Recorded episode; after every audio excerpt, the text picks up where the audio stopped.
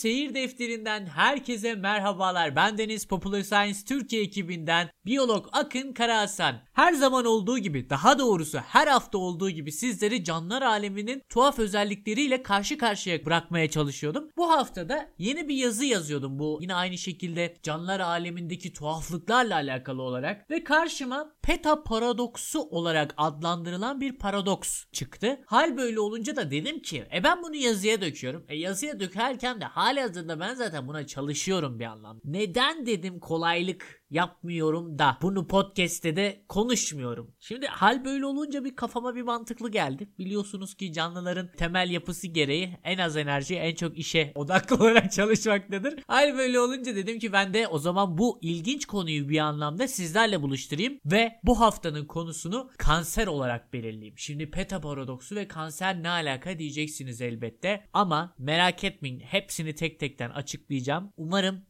keyifli, umarım farkındalık yaratan bir video olacak. Dilerseniz lafı çok daha fazla uzatmadan başlayalım. Bahsettiğim üzere bu haftaki konumuzun adı Peta paradoksu.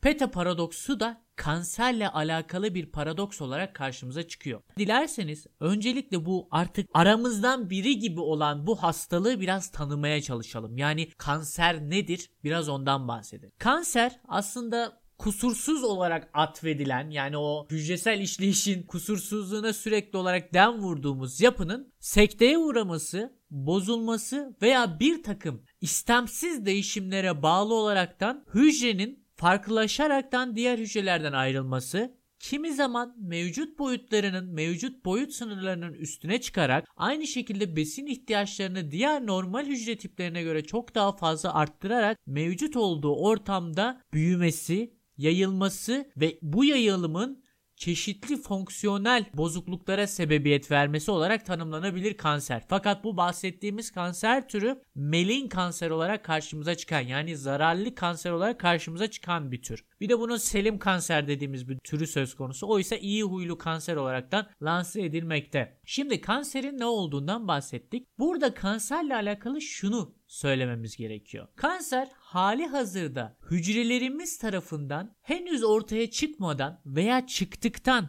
işte ne bileyim birkaç aşama sonra ket vurulabilecek veya engellenebilecek bir hastalık olarak karşımıza çıkabilmekte. Ama aynı zamanda engellenemeyecek aşamalara dahi ulaşabilmekte. Hani o birinci aşaması, ikinci, üçüncü, dördüncü artık dördüncüde metastaz olmuş bütün hücrelere yani yayılmış olarak karşımıza çıkıyor ya. Heh, o aşamalar söz konusu. Hal böyle olunca otomatikman biz evrimsel süreçte bu e, birlikte yaşamayı bir anlamda öğrendiğimiz hastalığa karşı bir ne derler savunma mekanizması geliştirdi. Ki bu çok doğal da bunu geliştirmemiz çünkü bu tip hastalıklar bireyi öldürdüğü için ve eğer ki birey üreme çağından önce ölüyorsa yani neslini devam ettirmesine engel oluyorsa bu direkt olarak bir seçilim baskısı yaratabilecektir canlılar üzerinde. Ki çok çok büyük ihtimalle de böyle bir durum söz konusu oldu. Lafı dolandırıyorum gibi olacak ama bir anlamdan da böyle geçtiğimiz günde Darwin'in doğum günüydü yanlış hatırlamıyorsam 212. yaş günü kutlandı. O yüzden de böyle biraz evrime göz kırpmak istedim. Hatta ilerleyen dakikalarda biraz daha evrim üzerinden bu konuya ne derler açıklamalar getirmeye çalışacağım. Nerede kaldık? Ha dedim ki işte hücrelerimiz hali hazırda bunun önüne geçebilecek bazı önlemler almaya çalışıyor. Bunun en bilindiği ise e, P53 dediğimiz bir kontrol yeri var. Bir checkpoint noktası var hücre döngüsü içerisinde. Eğer ki burada zararlı bir mutasyon tespit edilirse yani hücrenin işleyişini bozabilecek bir DNA koduna sahipse ilgili hücre materyali o zaman bu P53 geni bunu tespit edip ilgili işte hücrenin kendi kendini yok etme mekanizmalarını tetikleyebilmekteydi ki biz buna biyolojide apoptozis diyoruz. Bu apoptozla hücre işte ilgili liziz enzimlerin ortama salınmasıyla kendi kendini yok ediyordu ve kanserli hücre daha henüz oluşmadan ortadan kaldırılabiliyordu ve tehdit aynı şekilde ortadan kaldırılabiliyordu. Bunun yanında kanserli hücre oldu diyelim ve bağışıklık sistemi tarafından çok büyük ihtimalle tespit edilebiliyordu. Yani o kadar şey küçük görmeyin yani mevcut bağışıklık sistemimizi çünkü şöyle bir şey düşünebilirsiniz. Hani hücre sayımızı düşündüğünüzde biz neredeyse her dakikada belki de işte bazı kaynaklara göre her saniyede vücudumuzun çeşitli yerlerinde bulunan hücreler bölünürken veya hali hazırda dururken mutasyona uğruyorlar. Ve bu tür bir durumla karşı karşıya kalındığı için kanserleşme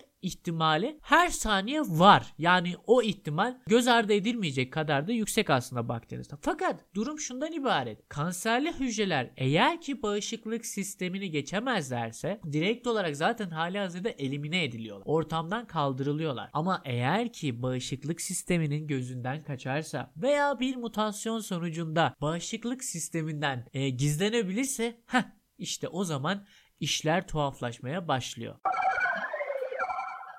kanserin ne olduğundan bahsettik ve vücudumuzun ona direnç olarak gösterdiği birkaç mekanizmadan bahsettim sadece. Ki kafamızda bugün anlatacağım kanserle ilgili bir temel oluşturmak adına. Şimdi ise peto paradoksuna geleceğiz. Bahsettiğimiz üzere kanser oldukça hani yaygın görülebilen bir hastalık. Ve hali hazırda da pek çok canlı türünde de karşımıza çıkabiliyor. Özellikle işte çok hücreli canlılarda karşımıza çıkıyor. Bugün bir bitkinin de kanser olabileceğini biliyoruz. Bir hayvanın da kanser olabileceğini biliyoruz. Özellikle ve özellikle hayvanlardan örneklerimizi çoğaltırsak çok daha rahat bir şekilde akılda kalır diye geride kalan kısımda hayvanlara e, yönelik örnekler vermeye çalışacağım. Hayvanlarla alakalı olarak şöyle tuhaf bir durum söz konusu. Benim yani biz insanların, farelerin, işte ne bileyim mavi balinanın, işte bir gergedanın hücreleri karşılaştırıldığında hücre boyutlarımız neredeyse aynılar. Bunun en temel sebebi ise yüzey alanı ve hacim ilişkisi. Şimdi ne demek istiyorum? Biraz ondan bahsedelim. Eğer ki bir canlının boyutunu 2 cm arttırırsanız yüzey alanı 2'nin karesiyle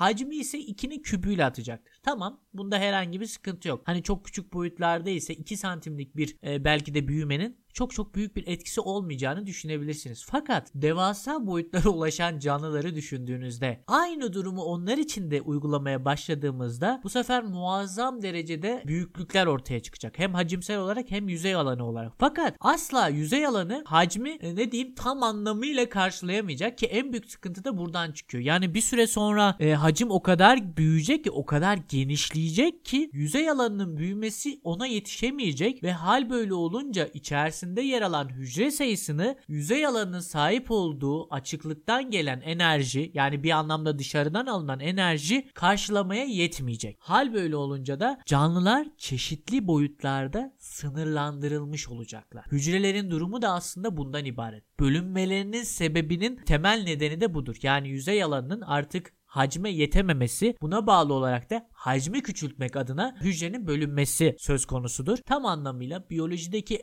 esas mevzu hatta canlıların boyutlarını sınırlayan esas mevzu bundan ibaret. Elbette ki bunun yanında çevresel etmenleri de sayabilirsiniz ama temelde yatan mevzu bundan ibarettir. Yine ekstra bilgimi çaktım. Şimdi devam ediyoruz. Bahsettiğim üzere hücre boyutları aynı. Fakat hücre sayıları farklı. Yani bir fare ile insanların hücre sayılarını karşılaştırdığımızda yaklaşık bizim farelerden bin kat daha fazla hücreye sahip olduğumuz gözlemleniyor. Fakat tuhaf bir şekilde bizim fare ile kanserleşme oranımız aynı. Kanserleşme ihtimalimiz aynı. Yani şundan bahsediyorum. Hücre sayımız artıyor fakat kanserleşme ihtimalimiz hala az olan canlıdaki ihtimale yakın seyrediyor. E bir saniye ya. Ne demek şimdi bu? Bu benim mantığıma aykırı. Yani ne kadar fazla hücrem varsa e benim ona göre de o kadar fazla kanserleşme ihtimali olan hücrem olması lazım. Yani potansiyel hücrem olması lazım. Öyle değil mi? E çok mantıklı sizin söylediğinizde. E ama doğada bu bu şekilde işlemiyor. Yani bir mantığa aykırı bir durum mu var acaba diye düşünüyorsunuz. İşte tam olarak peto paradoksu bizlere bunu sunuyor. Yani hücre sayısı arttıkça kanser görülme olasılığının da artması beklenirken vücut büyüklüğü ile kanser riski arasında herhangi bir ilişkinin olmaması Pete paradoksu olarak açıklanıyor. Şimdi bu kafaları karıştırıyor. Peki biyolojide bu durumu nasıl bir mantık çerçevesi içerisine oturtabiliriz? Daha doğrusu buna nasıl bir açıklama getirebiliriz ki? Ya o kadar fazla hücremiz varsa e o kadar fazla da e, kanserleşme potansiyeline sahip e, hücremiz olması lazım. Hani doğası gereği böyle olması lazım öyle değil mi? Fakat değişen bazı şeyler var. Şimdi gelin onları sizlere açıklamaya çalışalım.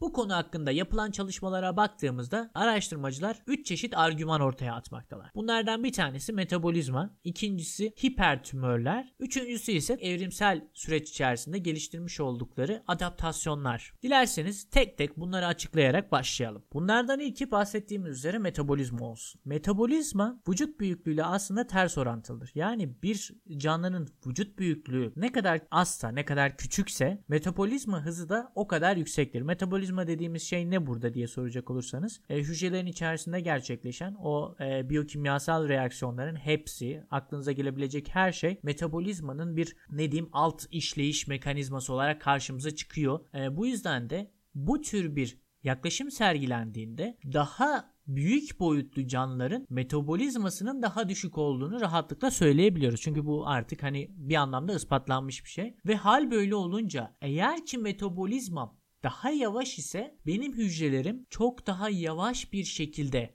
olgunlaşacak. Buna bağlı olarak çok daha yavaş bir şekilde bölünme işlemini gerçekleştirecek. Hal böyle olunca bölünme işlemi yavaş gerçekleşince diğer küçük boyutlu canlılara göre o zaman benim hücrelerimde birim zamanda meydana gelebilecek hata oranı da yani kanserleşme oranı da onlara göre nispeten daha düşük olacaktır. Buna karşında işte farelerin metabolizma hızları çok yüksek olduğu için onlarda bölünme ve hücrenin erişkinliğine gelmesi bir anlamda daha hızlı olacak. Hal böyle olunca birim zamanda file göre mesela çok daha hızlı bir şekilde hücre bölünmesi gerçek gerçekleştirecek ve buna bağlı olaraktan da kanser görülme ihtimali çok daha yüksek olacak. Bu argümanlardan biri olarak sunulmakta bahsettiğim üzere.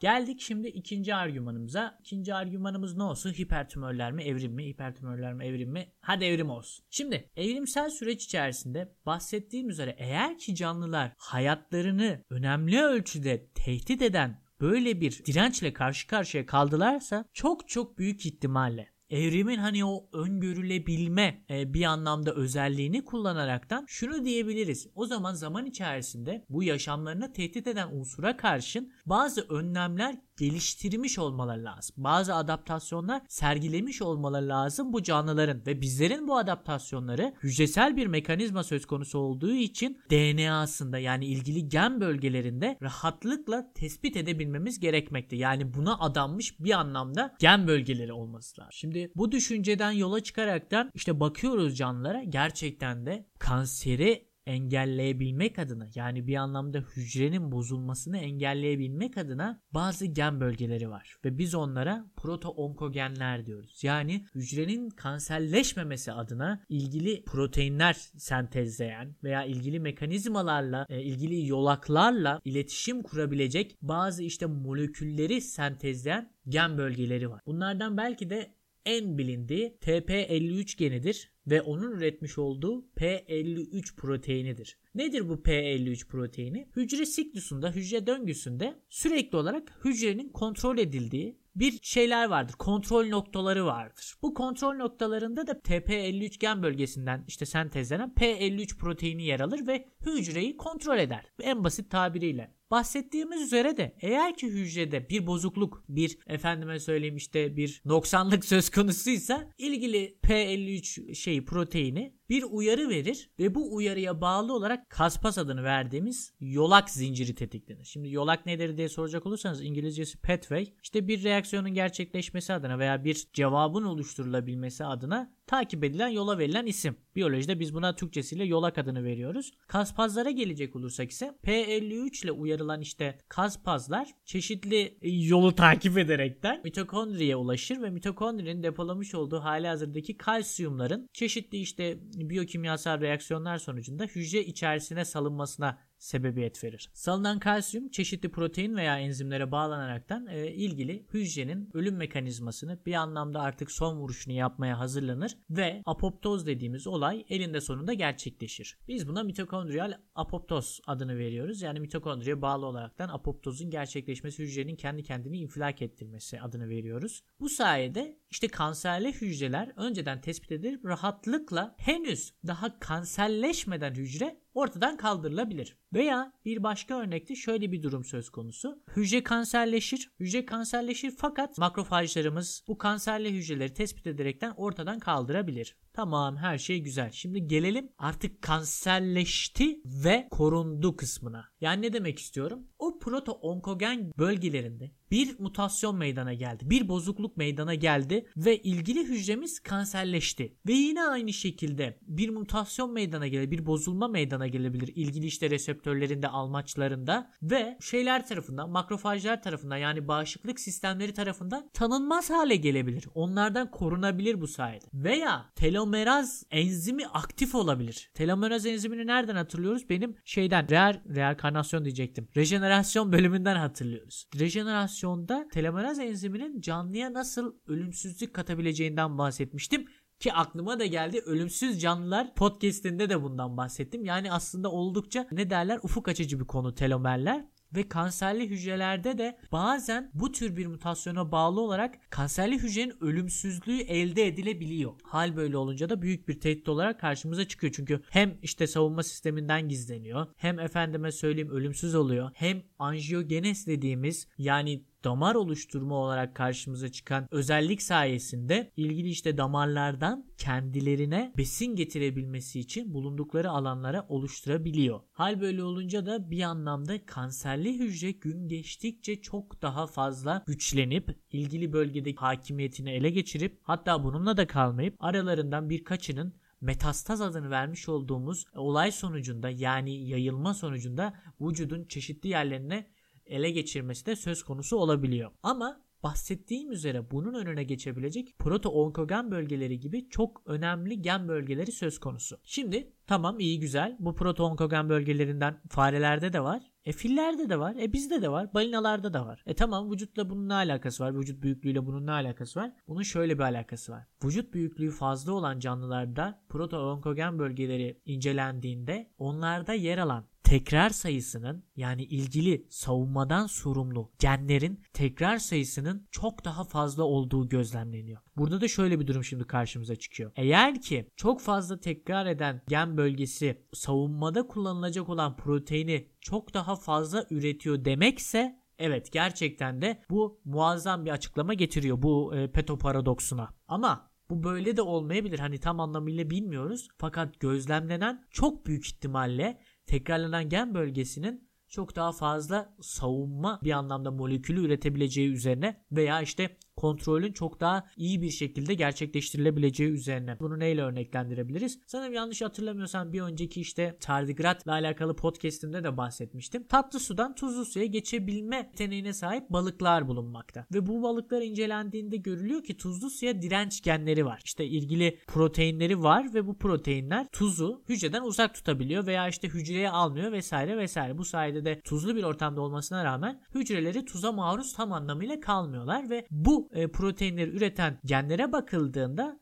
böyle 24, 25, 26 tekrara varabilen bir sayıya ulaşıyor. Hal böyle olunca da ulaşamayan balıklarla karşılaştırıldığında evet o balıklar gerçekten de tuzlu suya geçemiyorlar. O zaman şunu rahatlıkla söyleyebiliyoruz o canlı grubu için. Tekrarlı gen sayısı ne kadar artarsa e, ilgili proteinlerin işte işlevi o kadar artar veya ilgili proteinlerin sayısı arttığı için işlevi o kadar artar diyebiliyoruz ki çok büyük ihtimalle az önce verdiğim örnekte de işte bu özellikle filleri düşünecek olursak 20 tekrara varan TP53 gen bölgesinin bulunduğunu görüyoruz. Bizlerde ise sadece tek tekrar var. Fakat fillerde tuhaf bir durum daha söz konusu. LIF6 adlı bir gen var. Bu LIF6 adlı gen yine aynı şekilde kanserleşmeye yakın hücreleri önceden tespit edip direkt olarak kanser dahi olmadan ortadan kalkmalarına sebebiyet veriyor ki bu yine çok önemli bir e, bu konudaki savunma mekanizması olarak karşımıza çıkıyor ve bu savunma mekanizmasının P53 proteini ile birlikte e, çalıştığını görüyorlar. Bu arada bu LIF6 geninin nasıl TP53 gen bölgesiyle ortaklaşa çalıştığını açıklamak gerekirse şöyle yapıyorlar. Filin bir yerine mutasyona uğramış hücreler enjekte ediliyor. Daha sonrasında ise TP53 geninin varlığında LIF6 geninin orada çok daha aktif bir şekilde çalıştığı gözlemleniyor vücudun diğer e, kanserleşme görülmeyen yerlerine göre. E, bu sefer de şey yapıyorlar. Yine mutasyonlu doku enjekte ediliyor. Fakat TP53 genini susturuyorlar. E bu sefer de LIF6 geninin herhangi bir şekilde çalışmadığını gözlemliyorlar. Yani bunların ilişkisi otomatikman burada rahatlıkla ortaya konuluyor. Şimdi gelelim sonuncu argümanımız olan hipertümörlere. Hipertümör adı hmm, ne çağrıştırıyor ne çağrıştırıyor? Aslında bakacak olursanız çıkış noktası yine hiperle başlayan başka bir terminoloji. Hiper parazit adını verdiğimiz bir terminoloji. Ne demek istiyorum? Ki buradan rahatlıkla hiper tümörleri anlayacaksınız. Hiper parazit parazitin paraziti olarak karşımıza çıkan bir durumdur. O zaman hiper tümörden ne anlıyoruz? Tümörün tümörü. Yani şunu kastediyoruz. Ortada bir kanser hücresi var, bir tümör var ve kötü huylu ve bu tümörün de tümörü var. Yani bu kötü huylu kanserin de kanseri var. Peki bu nasıl oluyor? Gelin şimdi onu açıklayalım bir hücrenin nasıl kanserleşebileceğinden bahsettik. Şimdi gelelim kanserli hücrenin kanserine. Kanserli hücreler doğaları gereği birbirlerinin tıpatıp aynaları olmayabiliyorlar. Neden? Çünkü hepsi bozuk. E haliyle de ürerken yani kanserli hücrelerde ürerken bozuk luğun çok daha artması ve birbirinin tıpatıp aynısı olmayan hücrelerin meydana gelebilme ihtimalleri fazla. Ha, şimdi o zaman kanserli hücreler içinde bir tehdit söz konusu olabilir. Yani ilgili işte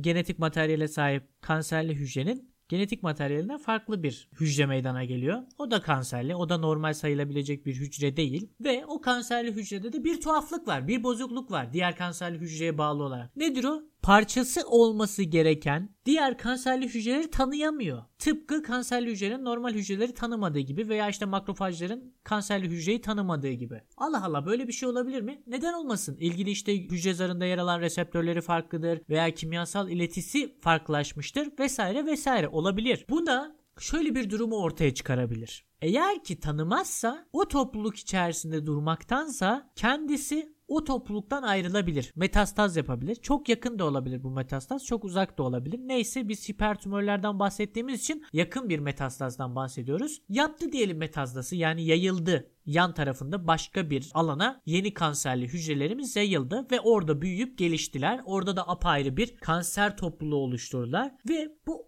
oluşan kanser topluluğu artık alanı diğer kanser topluluğuyla paylaşmak istemiyor. Elbette ki burada bilinçli bir durum söz konusu değil. Sadece hani kafamızda rahat şekillensin diye aktarıyorum. Diyelim ki bu alanı paylaşmak istemiyor ve yavaş yavaş alanın hakimiyetini ele geçirmek istediğinden dolayı o ilk baştaki kanser topluluğunu besleyen kan damarlarını kendilerine yönlendirebiliyorlar. Yani bir anjiyogenez oluşturup e, bu anjiyogenezle kendilerini besleyip onlara giden kan damarlarının önüne ket vurabiliyorlar. Engel olabiliyorlar. Bu sefer ne oluyor? Hali hazırda gelişmiş fakat besin bulamayan önceki kanserli hücreler ölmeye başlıyorlar ve o kanserli hücrelerin e, aslında kan damarı olan anjiyogenezle oluşmuş olan o kan damarlarını kendilerini yönlendirip kendilerini besliyorlar. E tamam iyi güzel ama şunun bir garantisi yok. Yeni oluşan kanserli hücrelerin de aralarından işte bir hücresi ayrılıp yepyeni bir e, kanser topluluğu oluşturup onlara da aynı şeyi yapmayacağının bir garantisi yok. Bu yüzden de şunu düşünüyoruz. İşte bu çok büyük vücutlu e, hayvanlara baktığımızda acaba vücutlarında muazzam ölçüde kanserli işte hücre veya doku var. Fakat bu dokular kendileri arasındaki bu rekabetten dolayı yani kanserlerin birbirleri arasındaki bu rekabetten dolayı acaba herhangi bir tehdit oluşturabilecek seviyeye varamıyorlar. Mesela en güzel açıklamalardan bir tanesi de bu bence. Böyle bir durum söz konusu. Ne kadar etkinliği var diye soracak olursanız mekanizma mantıklı ama sanki hani vücudun en azından birkaç yerinde ciddi bir kanser görülmesine engel olamazlardı gibi geliyor bana. Bu yüzden de tam anlamıyla hani ben sıcak bakmıyorum. Benim sıcak baktığım nokta tekrarlı gen dizisinin işte çok olduğu kısım. Çünkü orada elinde somut bir örnek var. Ha evet burada da somut bir örnek var. Hani rahatlıkla e, bir işte doku preparatı hazırladığında e, görebiliyorsun. E, kanserli hücreleri orada ve onun kanseri olan diğer hücre tiplerini görebiliyorsun. Ben etkinliğini hani karşılaştırmak adına böyle bir yaklaşımda bulundum. Bir de elbette şöyle bir durum söz konusu. Farenin vücudunda 4 gramlık işte kanser hücresi topluluğu var. Peki bu 4 gram Bizde ne kadara denk geliyor? Tüm farenin %20'sini oluştururken bu 4 gramlık kanser hücresi bizim sadece %0,004'ümüze tekabül ediyor. E, hal böyle olunca e, mavi balinadaki oranı siz düşünün. Hani bizim 3000 katımız fazla hücreye sahip olan mavi balinadaki yüzdelik dilimini siz düşünün. Yani çok fazla sıfır var. Bir saniye şimdi ya. 4 gramlık kanser topluluğu için her canlı türünde eşit miktarda kanser hücresi gerekmekte. O zaman ben derim ki mavi balinanın vücudu kanserlerle dolu. Fakat bu kanserler mavi balinanın ebatları gereği veya işte hücre sayısı gereği onun vücudunu, onun yaşamsal faaliyetlerini tehdit edebilecek ölçüye varamıyorlar. Çünkü çok büyüdüklerinde ki bu muhtemelen nadir olduğunu düşünüyorum. Çeşitli mekanizmalar tarafından hali hazırda zaten baskılanırken veya engellenirken çok büyüdüklerinde de nadir olabileceği için kendi bağışıklık sistemleri tarafından tespit edilme ihtimalleri çok yüksek. Çünkü zaten hali hazırda nadirsin. Hani çok fazla olsan bu sefer bağışıklığın gözünden kaçabilme ihtimalin var. Ama mikro ölçekte çok fazla olduğu için bunlar kaçınılmaz bir şekilde canlının belki de vücudunun çok büyük bir alanında duruyorlar. Fakat hiçbir zaman neredeyse hayatını büyük ölçüde tehdit edebilecek bir orana, bir büyüklüğe sahip olamıyorlar. Hal böyle olunca da mavi balinaların işte kansere yakalanmayan canlı olarak advedilmesinin sebebi bu olabilir. Fillerin yine aynı şekilde. Bu tür büyük cüsseli canlıların neden kansere yakalanmadığı bu üç argümanla desteklenmekte veya şöyle söyleyeyim açıklanmaya çalışmakta. Elbette ki bu anlattıklarımız çok büyük cüsseli canlılar kanserden ölmez demiyor. Kanserden ölme ihtimallerinin diğer küçük cüsseli canlılara göre çok daha az olduğunu söylüyor. Bakın burada kritik nokta bu. Bu arkadaşlarımız kanserden ölmez değil, kanserden ölme ihtimallerinin kendi boyutlarından daha küçük canlılara göre çok daha az olduğunu söylemek. Bugün Sizlere Peto Paradoksunu sundum. Peto Paradoksu hakkında bazı gevezelikler yaptım. Ve canlıları bir anlamda da sizlere tanıtmaya çalıştım. Özellikle o filleri unutmayın. Filler çok iyi canlılar. Lif 6 genleri var. P53 genlerinden 20 tekrar var vesaire vesaire. Filleri gün geçtikçe daha da çok seviyorum. Neyse umarım ki verimli bir kayıt olmuştur. Bir farkındalık yaratabilmişimdir sizlerde. Konuyla alakalı veya biyolojiyle alakalı sorularınız varsa Instagram postumuzun altına yazabilirsiniz veya açıklama kısmında yer alan mail adresine ilgili sorunuzu gönderebilirsiniz. Beni dinlediğiniz için çok ama çok teşekkür ederim. Haftaya yepyeni bir konu başlığıyla karşınızda olmak dileğiyle hepinize mutlu pazarlar dilerim. Ha bu arada sevgililer gününüz kutlu olsun. İyi günler.